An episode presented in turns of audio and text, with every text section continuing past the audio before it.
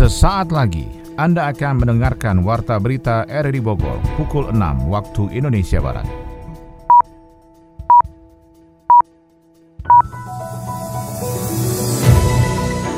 Selamat pagi, salam jumpa. Kami hadir kembali dalam Warta Berita edisi hari ini, Sabtu 8 Januari 2022. Informasi ini juga turut disiarkan melalui audio streaming lewat RRI Play dan juga disiarkan lewat Radio Tegak Beriman Kabupaten Bogor, Jawa Barat dan Anda bisa akses di Spotify RRI Bogor.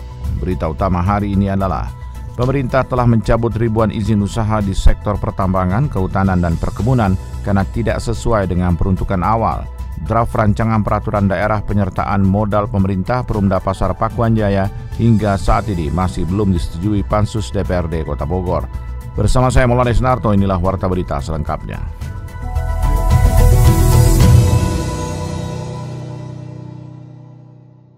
Presiden Jokowi telah menyampaikan bahwa pemerintah telah mencabut ribuan izin usaha di sektor pertambangan, kehutanan, dan perkebunan karena tidak sesuai dengan peruntukan awal. Hal itu disampaikan di Istana Kepresidenan Bogor dalam video di kanal Sekretariat Presiden Jakarta Kamis kemarin. Presiden Jokowi didampingi Menteri Energi dan Sumber Daya Mineral Arifin Tasrif, Menteri Agraria dan Tata Ruang Kepala Badan Pertahanan Nasional Sofian Jalil, Menteri Lingkungan Hidup dan Kehutanan Siti Nurbaya, dan Menteri Investasi Kepala Badan Koordinasi Penanaman Modal Bahlil Lahadalia dan juga menjelaskan 2078 izin perusahaan penambangan minerba dicabut karena tidak pernah menyampaikan rencana kerja, izin yang sudah bertahun-tahun telah diberikan tetapi tidak dikerjakan. Menurut Presiden, hal itu menyebabkan tersandranya pemanfaatan sumber daya alam untuk peningkatan kesejahteraan rakyat. Sebanyak 192 izin sektor kehutanan seluas 3.126.439 hektar dicabut karena tidak aktif dan tidak membuat rencana kerja serta ditelantarkan.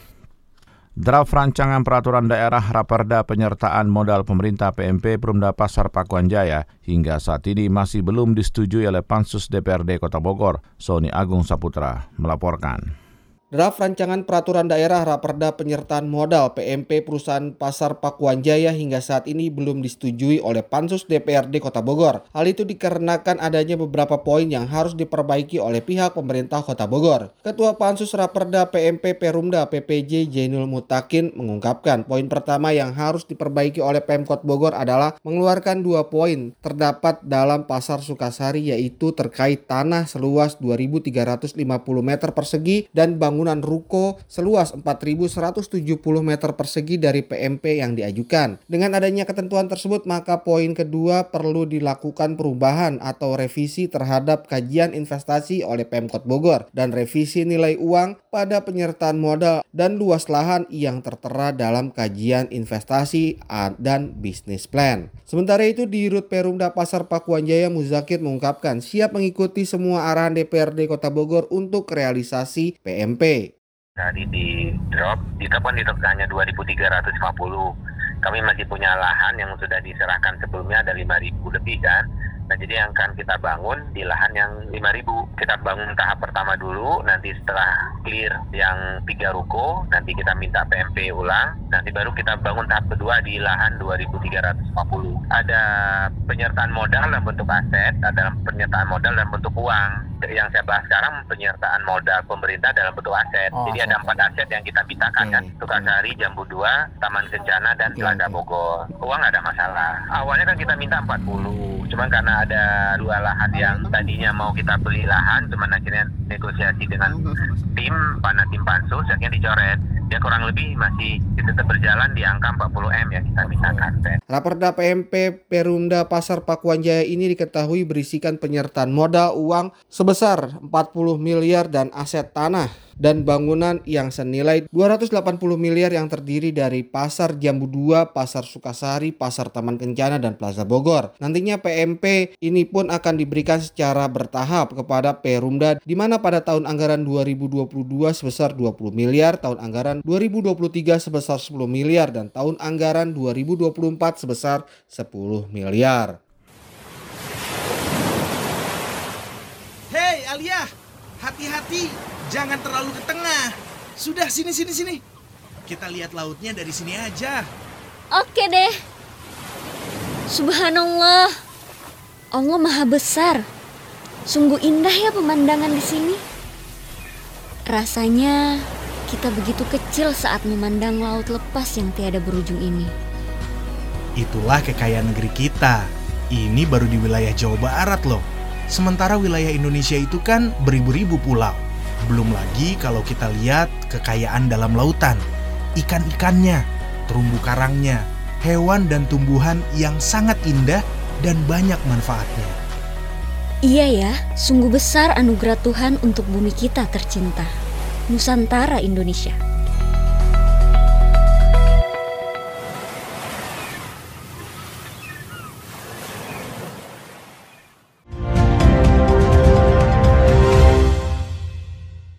PHRI Kabupaten Bogor mencatat okupansi hotel di wilayahnya mencapai 60 persen saat libur Natal dan Tahun Baru 2022. Hal itu disampaikan Ketua Dewan Penasihat BPC PHRI Kabupaten Bogor Agus Chandra Bayu dan menurutnya rekayasa lalu lintas dan status PPKM level 2 tentu berpengaruh terhadap okupansi. Wisatawan yang berkunjung ke Kabupaten Bogor khususnya wilayah Puncak Cisarua banyak yang membatalkan pemesanan hotel untuk libur Natal dan Tahun Baru. Pengalaman itu membuat sebanyak 125 hotel dan restoran yang menjadi anggota PHRI Kabupaten Bogor terus meningkatkan promosi pada tahun 2022 agar berdampak pada tingkat okupansi ke depan. Mendorong percepatan vaksinasi anak, Polres Sukabumi Kota bersama Dinkes Sukabumi menggelar gebiar vaksinasi merdeka. Adi Fajar melaporkan. Polres Sukabumi Kota menggelar gebiar vaksinasi merdeka yang dilaksanakan pada 7 Januari 2022 sebagai bentuk percepatan vaksinasi dalam menekan kasus varian baru COVID-19. Vaksinasi massal yang disasar anak usia 6 hingga 11 tahun serta warga umum lainnya digelar Polres Sukabumi Kota bersama Dinas Kesehatan Kota Sukabumi di Gedung Juang Kota Sukabumi. Kapolres Sukabumi Kota AKBP Zainal Abidin menjelaskan, vaksinasi ini menyasar 700 orang peserta mulai dari usia anak hingga lansia. Selain untuk mempercepat target vaksinasi, giat tersebut juga bertujuan mendukung pelaksanaan pembelajaran tatap muka di kota Sukabumi. Ini kami dari Polres Sukabumi Kota bekerja sama dengan Dinas Kesehatan Kota Sukabumi pasal kegiatan kegiatan vaksin merdeka di mana salah satu sasarannya itu untuk anak-anak usia 6 sampai dengan 11 tahun. Kegiatan ini kami lakukan dalam rangka untuk mendukung percepatan kegiatan pertemuan tatap muka yang ada di sekolah-sekolah yang ada di Kota Sukabumi. Sementara itu, salah satu orang tua murid peserta vaksin COVID-19, Rusvan Syah, mengaku senang dengan adanya giat vaksinasi untuk anak ini menjadi pemantik anak-anak agar mau divaksin. Menurutnya, antusias anak cukup banyak dengan terlihat antrian di sentra vaksinasi Gedung Juang Kota Sukabumi. Ya, Alhamdulillah ya bahwa saat ini sekarang mungkin termasuk anak saya yang vaksin 6 sampai 12 tahun bisa diselenggarakan di Kota Sukabumi khususnya karena memang anak-anak juga sekarang mungkin dia melihat di TV apa di medsos bahwa yang belum vaksin itu tidak bisa ke mana-mana ya itu yang dikhawatirkan oleh anak-anak bahwa bahwa kita juga sudah memberikan edukasi tapi tetap anak-anak itu ingin tetap vaksin. Tak hanya itu, Polres Sukabumi Kota bersama Dinkes Kota Sukabumi juga menghadirkan superhero serta hadiah berupa balon dan permen untuk menarik minat anak mendapatkan vaksinasi COVID-19 jelang pembelajaran tatap muka di Kota Sukabumi. Pihaknya juga menghimbau agar warga ikut membantu dalam percepatan vaksinasi untuk menumbuhkan herd immunity atau kekebalan imunitas di lingkungan masyarakat dan sekolah. Pandemi COVID-19 dan ancaman varian baru Omikron masih mengganggu upaya proses pemulihan ekonomi. Sony Agung Saputra melaporkan. Masa pemulihan ekonomi yang saat ini berjalan saat pandemi COVID-19 masih ada ancaman varian baru Omikron harus tetap berjalan. Kaum muda sebagai roda penggerak berbagai kegiatan masyarakat harus bisa memberikan arti nyata dalam membangkitkan kehidupan di masyarakat. Saat ini peluang usaha dari pemulihan ekonomi sangat terbuka bagi generasi muda untuk mengembangkan potensi baik di dunia usaha kecil, menengah ataupun berkreasi di sektor jasa industri kreatif. Salah seorang pelaku usaha kuliner di Bogor, Indra Maulana menjelaskan, memang saat ini kondisi perekonomian masih sedang sulit dengan terpaan pandemi COVID-19 yang membuat pembatasan di berbagai bidang termasuk dalam berusaha. Hal itu jangan menjadi kendala namun harus menjadi tantangan untuk bisa lebih mengembangkan usaha, kreasi dan inovasi yang dimiliki agar bisa keluar dari pandemi dengan adanya solusi meningkatkan kesejahteraan bersama. Salah satu kunci sukses dalam usaha di saat pandemi COVID-19 dengan bersabar dan terus berdoa karena saat ini segala upaya harus berjalan sehingga tidak hanya berdiam diri tetapi menunjukkan eksistensi agar agar bisa meraih sukses. Kiat untuk menjadi pengusaha sukses adalah sabar, sabar, dan sabar. Karena semakin kita sabar, semakin dekat dengan yang menciptakannya, di situlah ujian-ujian datang. Sebagai pengusaha, ya kita harus bisa mengolah terus berpikir, terus berkarya, terus berinovasi tidak hanya di satu bidang namanya juga pengusaha orang yang mengusahakan ya. Jadi nggak bisa sekedar diam. Jadi kalau memang punya usaha jangan cuma di satu bidang karena karakter Indonesia itu beda Harapan generasi muda juga datang dari publik figur Hari Depretes yang meyakini tahun 2002 ini menjadi era kebangkitan usaha kecil menengah dalam meraih sukses di tengah pandemi. Generasi muda jangan hanya menjadi generasi rebahan yang hanya cuek dengan sekitarnya tetapi harus mampu menjawab tantangan zaman dengan kemampuan yang dimilikinya. Kembali pada akar budaya bangsa dan jati diri negara Indonesia menjadi modal dasar untuk dapat meraih sukses sehingga karifan lokal menjadi basis utama untuk keluar dari pandemi ini. Supaya nggak jadi generasi rebahan, banyak-banyak menggali yaitu menggali hal-hal baik berupa bacaan, referensi atau apa pun itu dari sejarah bangsa, sejarah atau seni budaya, mungkin apa pun deh dari masa-masa lampau bangsa kita sejarahnya. Belajar sejarah deh gitu gamblangnya. Supaya kalaupun mau berkreasi atau apa tuh nggak terlalu ngawang gitu loh. Tapi berakar pada seni budaya bangsa sehingga tetap cucu cocok gitu loh. Dalam prosesnya Hari Depretes juga menggandeng generasi muda untuk menjadi insan kreatif dan inovatif menggerakkan sektor usaha kecil menengah dengan tetap memperhatikan kearifan lokal dan jati diri bangsa karena saat ini bangsa Indonesia menghadapi tantangan zaman yang tidak mudah yang harus dijawab oleh generasi muda sehingga bisa menjadi tulang punggung warisan bangsa Indonesia. Anda tengah mendengarkan Warta Berita RRI Bogor. Pengelola Pasar Blok F Kebun Kembang memperketat pengawasan protokol kesehatan menyikapi penyebaran COVID-19 varian Omikron. Adi Fajar melaporkan. Munculnya varian baru COVID-19 jenis Omikron menjadi atensi bagi pedagang pasar di Kota Bogor. Meski tidak ada kasus terkonfirmasi Omikron dari Kota Bogor, namun pengelola pasar seperti halnya di pasar Blok F dan G tetap mengantisipasi hal itu. Kepala Unit Pasar Blok F dan G Sri Karyatno mengatakan pihaknya berupaya memperketat penerapan protokol kesehatan bagi pengunjung pasar dan juga pedagang. Seluruh masyarakat yang masuk akan dilakukan pengecekan oleh petugas satu persatu, mulai dari pengecekan suhu hingga penggunaan masker. Blok F pun menerapkan scan barcode peduli lindungi bagi masyarakat yang hendak masuk untuk memastikan pengunjung telah divaksin COVID-19.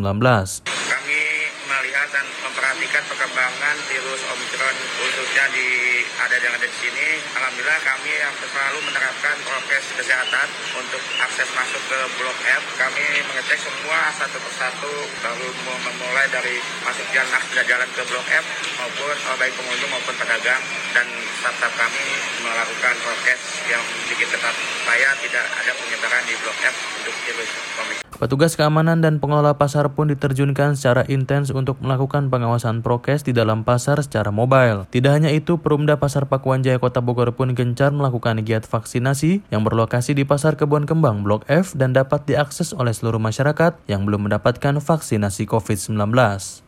Dari dunia ekonomi, Menteri Keuangan Sri Mulyani Indrawati mengatakan pemerintah menyiapkan pembiayaan dari APBN untuk pembangunan ibu kota baru Indonesia di Kalimantan Timur.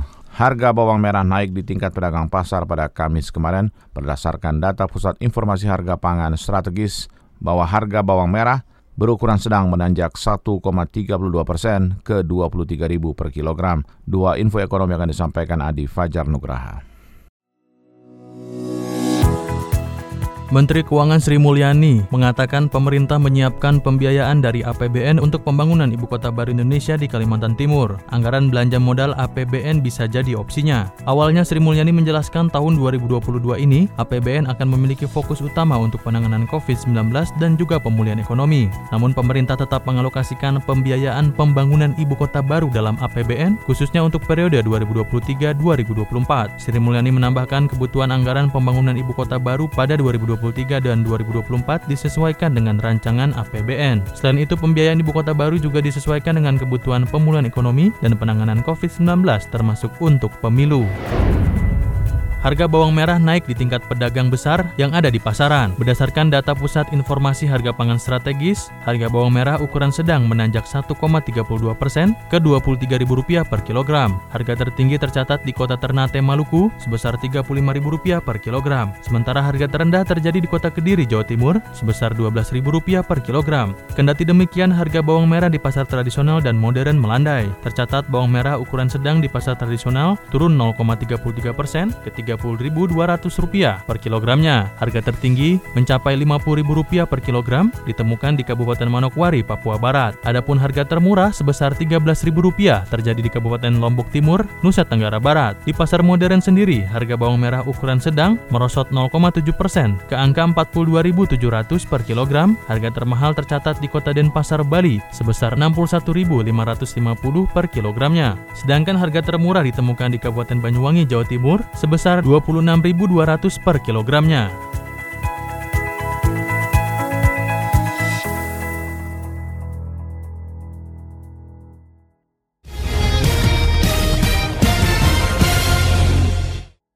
Dari dunia olahraga, M. Ridwan, atlet tarung derajat binaan Satuan Latihan Ciawi berhasil lolos pada babak kualifikasi Poprov Jabar dan dipastikan masuk gerbong kabupaten untuk pejuang pada perhelatan olahraga bergengsi setanah Pasundan. Ermelinda melaporkan.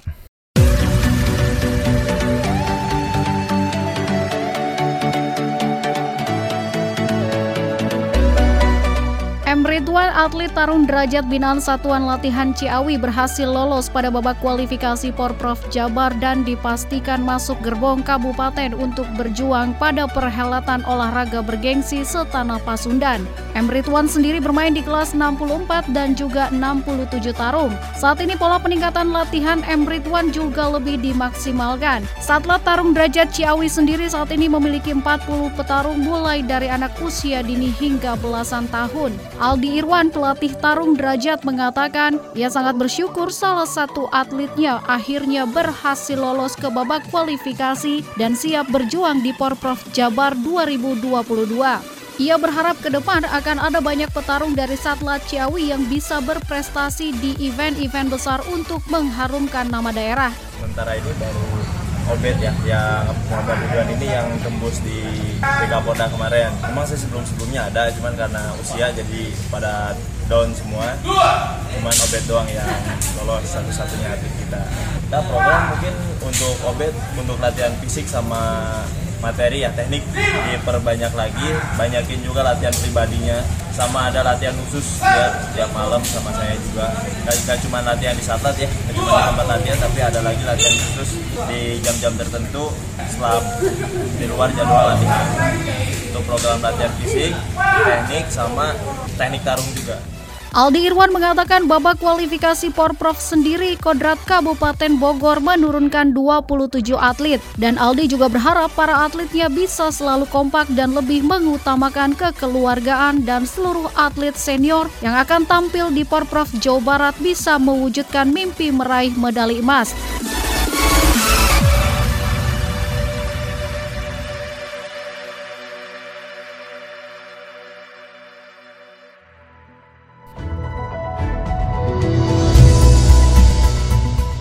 Demikian rangkaian informasi dalam Warta Berita di edisi hari ini. Sebelum berpisah kami sampaikan berita utama. Pemerintah telah mencabut ribuan izin usaha di sektor pertambangan, kehutanan, dan perkebunan karena tidak sesuai dengan peruntukan awal.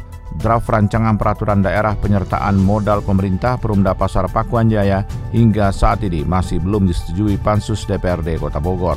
Saya Maulana Isnarto, mewakili kerabat kerja yang bertugas hari ini terima kasih atas perhatian Anda. Selamat pagi, sampai jumpa.